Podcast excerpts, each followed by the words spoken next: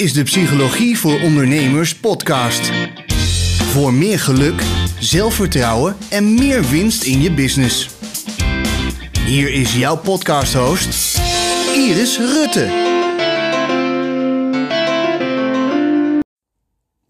Vandaag is de derde dag van uh, Boekenweek. En elke dag wil ik een boek bespreken. Vandaag wil ik eigenlijk twee boeken bespreken, omdat ze best wel op elkaar lijken. Ja, niet letterlijk, maar het gaat een beetje over hetzelfde onderwerp. Het zijn een beetje dezelfde grapjes wat ze erin vertellen. niet letterlijk grapjes, maar ze vertellen iets over het brein. En ja, dus vandaar dat ik ze beide heb gepakt. Eentje heb ik al eerder gelezen, dat was Hersenhack, Update je brein van Margriet Sitskorn. Overigens, alle boeken van Margriet Sitskorn is een, zijn uh, echt een aanrader als je meer wil lezen over het brein. En dan hebben we het nieuw boek dat ik heb gekocht. Dat is het Bromvliegeffect. En dat is van Eva van den Broek en Tim den Heijer. Het is niet dat het letterlijk daarover gaat, maar wat ik je wil uitleggen is... Wat zij in die boeken doen, is laten zien hoe vaak ons hersenen ons voor de gek houden. Wij denken dat wat wij waarnemen, wat wij voelen of denken op waarheid is berust. Hè? Dus wat jij ziet, dat dat de werkelijkheid is dat wat we beslissen, dat wat ook echt vanuit ons komt. Hè? Maar dat is gewoon niet waar. Hè?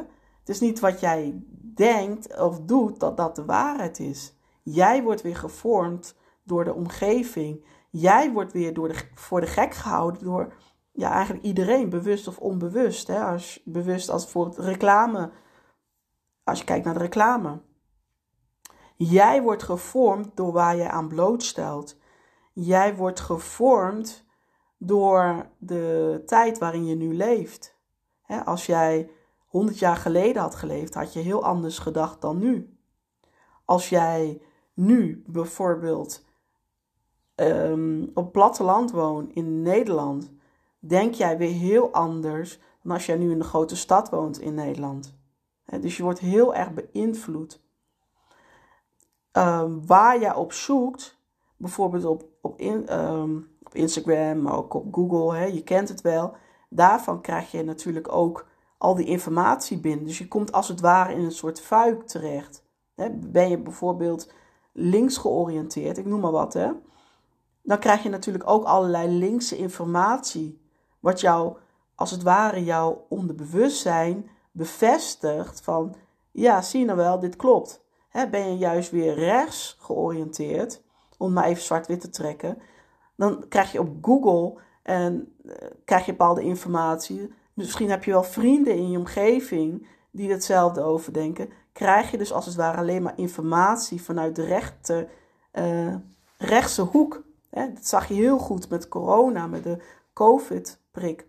Of hem wel of niet te halen, wel of niet QR-code, wel of niet dat, wel. Uh, Was jij voor de coronaprik?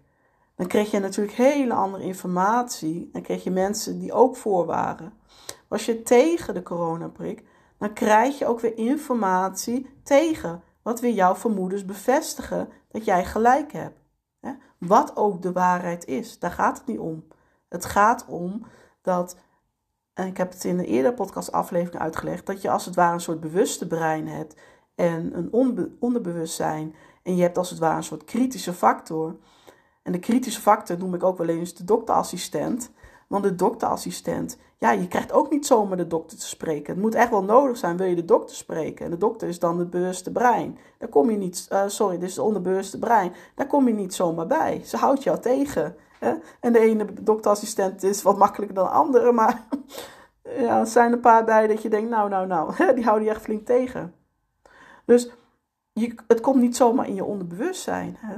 je onderbewustzijn, op het moment dat, de, dat die kritische factor laat alleen maar dingen toe die overeenkomen met hoe jij denkt, hoe jouw onderbewustzijn is geprogrammeerd. En die hoe je bent geprogrammeerd heeft dus alles te maken met de omgeving waar je nu in zit, de mensen met wie je omgaat, de tijd waarin je leeft, um, waar je aan blootstelt of niet. Dat vormt weer je hersenen. En hoe je hersenen is gevormd, dat vormt weer wat voor informatie je krijgt. En wat voor informatie krijgt, dat vormt weer je hersenen. Dus een soort uh, wisselwerking. Wat heel mooi wordt beschreven in de hersenhek van Margriet Sitskoorn. Dus de waarheid bestaat niet. Soms zeggen mensen, oh je moet helemaal terug naar jezelf. Maar, maar ik zeg altijd, wat is jezelf? Wat is jezelf als je... Wat is dat dan? Je was natuurlijk anders geweest als je ergens anders was geboren. Was jij bijvoorbeeld opgevoed op, uh, op een hele conservatieve manier, sta je anders in het leven dan als je ja, heel, heel links, heel speels op bent gevoed. Ik noem maar wat, hè. Dat, dat is heel belangrijk. Tegelijkertijd is het zelfs zo dat jouw humeur bepaalt ook weer hoe jij naar de wereld kijkt. je humeur bepaalt hoe jij naar de wereld kijkt. Als jij bijvoorbeeld heel veel verdriet hebt om wat ook wat is gebeurd, kijk je vaak ook door een verdrietige bril naar de wereld. En ben je heel blij, dan kijk je in één keer naar, eh, veel blijer naar de wereld. Terwijl eigenlijk is er helemaal geen verschil. De wereld is niet ineens veranderd.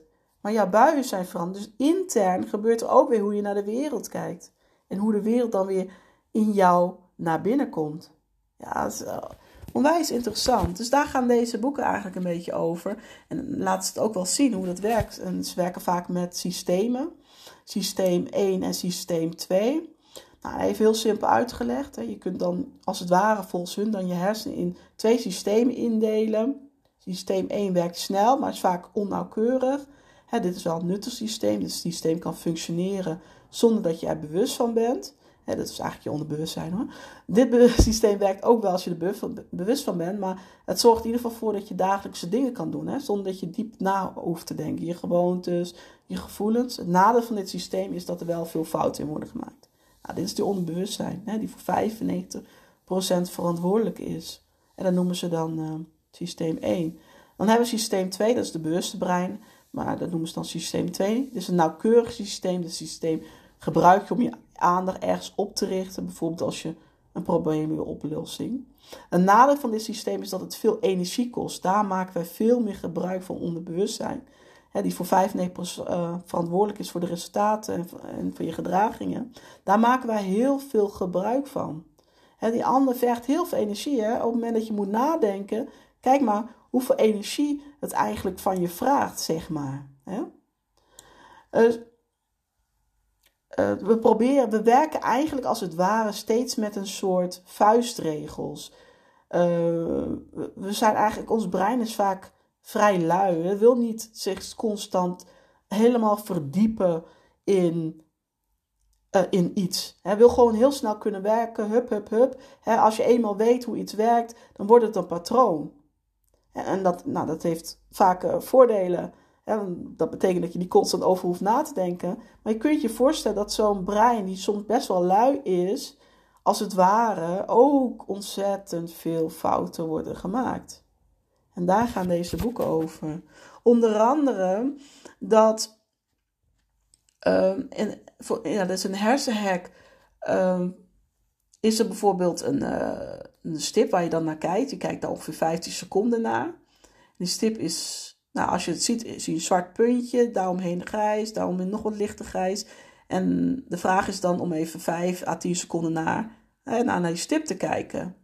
En je ziet dat op het moment dat je daarop concentreert, dat als het ware alleen die stip overblijft. Al het eromheen wordt vervaagd. Die gaat weg. Dat heeft ermee te maken dat dus hè, dat je veel meer met, met het bewuste brein uh, zit. En ze gaan heel snel in de, uh, in de energiezuinige stand. Dus ze gaan heel snel zorgen dat, je, dat de rest is niet zo belangrijk, dat schakelen ze uit. En je kunt je ook voorstellen dat je als je zo naar de wereld kijkt, wat wij allemaal mensen doen, dat er heel veel dingen, gelukkig maar aan de ene kant, anders zou je overspoeld worden, maar dat heel veel dingen niet zo van belang zijn, denken wij dan. Dus die schakelen we uit. misschien ken je wel het filmpje uh, de, de, vraag is dan: tel hoeveel, uh, hoeveel doelpunten er worden gemaakt of zo, weet ik veel. Of hoeveel de witte ploeg, want die zijn aan het basketballen, hoeveel de witte ploeg uh, de bal vasthoudt. Weet ik veel. Ze proberen in ieder geval af te leiden. Hè, dus ben je heel erg geconcentreerd op die witte ploeg die witte shirtjes aan hebben. Uh, in plaats van die andere ploeg, ik weet niet wat voor shirts ze aan hebben, maar ze hebben ze blauw. Dus je bent constant die bal aan de gaten aan het houden. Wat er gebeurt is dat er in de tussentijd een, een gorilla door het scherm loopt. Die zie je alleen vaak, nou ja, nu weet je, dus mocht je het nog niet kennen, dan heb ik het een beetje verklapt, maar die zie je vaak niet. Omdat je zo geconcentreerd bent op de andere. Dus de rest is uitgeschakeld. En ik weet nog dat een keer, ehm, ik weet even niet meer hoe die heet, maar die illusionist, oh ja, Victor Mits, geloof ik, als ik goed zeg. Die deed dit ook. En nou, ik kende dat filmpje al. Dus, uh, nou, uh, kan weer voorbij. Goed. Maar de grap was dat hij aan het eind van de uitzending zei hij: Hebben jullie ook nog meer apen gezien? En toen had ik de hele uitzending had ik heel veel apen niet gezien. Het bleek dat hij in de hele uitzending had die apen gedaan die naar je zwaaiden. Dus je bent gewoon zo geconcentreerd die uitzending aan het kijken. En dan zie je terug. Oh, daar was een aap die naar je zwaaide. Daar was een aap die naar je zwaaide. Had ik allemaal niet gezien. En dus je, je brein werkt heel erg zuinig. En die, filtert dus eigenlijk alles wat je ziet, filtert dus heel veel dingen eruit omdat je niet constant alles kan zien. Alles, al die prikkels die binnen kan, binnenkomen. Ja, als je daar wat mee te doen, zou je helemaal gek worden. Dus die, die zuivert het. Maar het is dus ook een nadeel. Want dat betekent dus dat je niet alles ziet, voelt, hoort. En misschien mis je wel hele belangrijke dingen. En daar spelen die, uh, hoe noem je dat? Die, zoals Victor Mits, die mensen met magie en met die uh, illusionisten, bedoel ik. Daar spelen die heel mooi op in. Hè? Dus eigenlijk zijn heel veel oefeningen als je ziet, denk je, ja, dat is eigenlijk helemaal niet moeilijk. Maar omdat je zo gefocust bent, en omdat je zo gefocust bent, dan weten ze dus in die tussentijd dat jij daarop focust, doen ze snel iets anders. En ja, het is heel interessant. Maar goed, hè, er zijn ook best wel, ja, echt wel wat nadelen aan. Hè? Ik bedoel, onze relaties, hoe we dat zien. Uh, hoe je omgaat met elkaar, de informatie die je binnenkrijgt, uh, hoe hè, snel werken. Wat, zegt dat over de kwaliteit van ons werken? En daarom is Margriet bijvoorbeeld heel goed, ook in de andere boeken, om te leren hoe werk je met het bewuste brein, hoe werk je met de neocortex, zodat je daar veel meer uit kan halen, waardoor je veel beter focus en focus zorgt ook weer voor betere kwaliteit. Want ze heeft daar wel wat uh, oefeningetjes. Ik ga even kijken of ik die kan zien. Ze heeft daar wat oefeningetjes in haar boek. En dat, ja, dat, we hebben meer van die boeken, want ik heb meer van dit soort boeken gelezen. Het zijn vaak dezelfde oefeningetjes. Uh, even snel kijken. Is.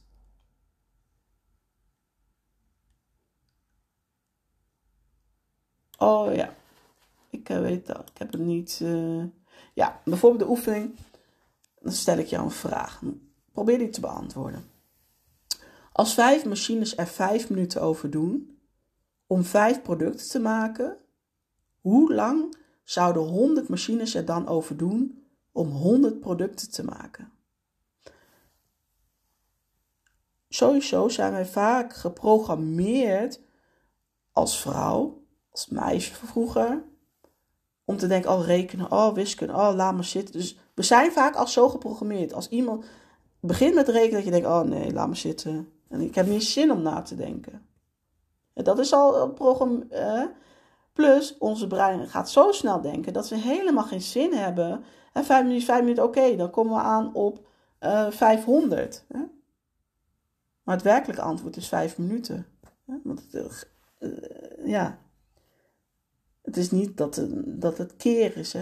Het is gewoon, elke machine doet er vijf minuten over. Dus ja, dat, dat is bijvoorbeeld iets, dat is bijvoorbeeld een vraag. Ik moet er heel even. Dat is bijvoorbeeld een, vraag die dan wordt gesteld in het boek. Uh, even kijken of ik nog. Uh, oh ja. Nou, een andere vraag is: wist je dat onze hersenen soms dingen zien die er helemaal niet zijn? Maak de volgende reeks af. 1 staat gelijk aan 5. 2 staat gelijk aan 10. 3 staat gelijk aan 15. 4 staat gelijk aan 20. 5 staat gelijk aan. En wat we de neiging hebben om wat te zeggen, is 25. Dat komt omdat ik je voor de gek hield, maak de volgende reeks af. Dus je denkt, het is een reeks. Hè? Maar eigenlijk zegt het eerste antwoord al 1 staat gelijk aan 5 en 5 staat gelijk aan 1. Eigenlijk is dat de grap. Hè? Maar onze hersenen hebben helemaal niet. Die hoort reeks, die denkt reeks, oké, dan is het een reeks. Prima, gaan we een reeks doen. Maar dat betekent niet dat dat het juiste antwoord is in dit geval dan. Dus zulke dingen. Uh, even kijken of nog. Oh ja, deze is een bekende, dus misschien ken je die al. Maar een bal en een knuppel kosten samen 1,10 1,10 cent. 1 euro 10 cent, laat zeggen. De knuppel kost 1 euro, meer dan de bal hoeveel kost de bal? En dan hebben we ook weer een bepaalde neiging om een bepaald antwoord te geven wat niet klopt. Um, even kijken of er is nog meer van die grapjes. Ik ga heel even kijken. Oh ja, in een meertje ligt een groep waterlelies dat iedere dag twee keer zo groot wordt. Als het 48 dagen duurt voordat de planten het hele meer bedekken, hoe lang duurt het dan voordat de halve meer is bedekt?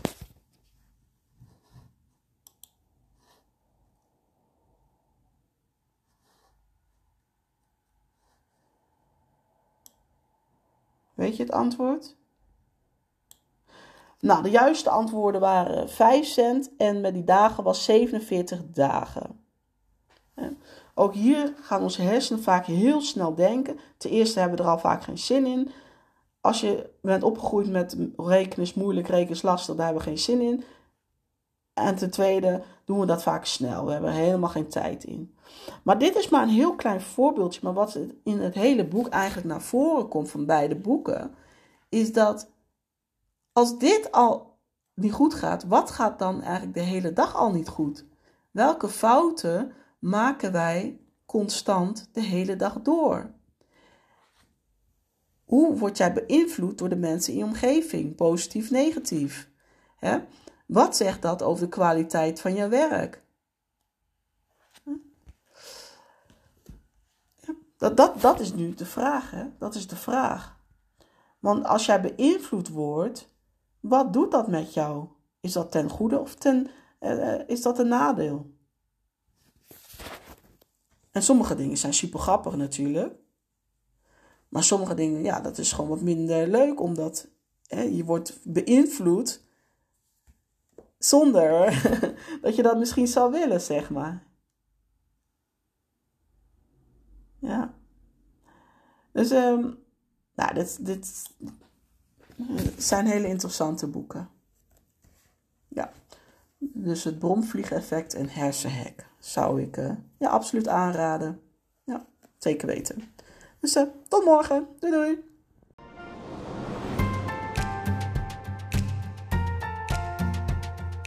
We zijn weer aangekomen bij het einde van deze podcastaflevering.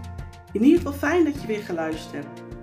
Ik hoop dat je het waardevol vond en er weer inzicht uit hebt gehaald voor jezelf en voor je business. Wil je nooit meer een aflevering missen? Abonneer je dan op mijn kanaal. Dan ontvang je een melding wanneer er weer een nieuwe aflevering online staat. Vond je dit een waardevolle podcastaflevering? Dan zou ik het fantastisch vinden als je deze podcast wilt delen op je favoriete social media kanaal. In ieder geval bedankt en tot snel!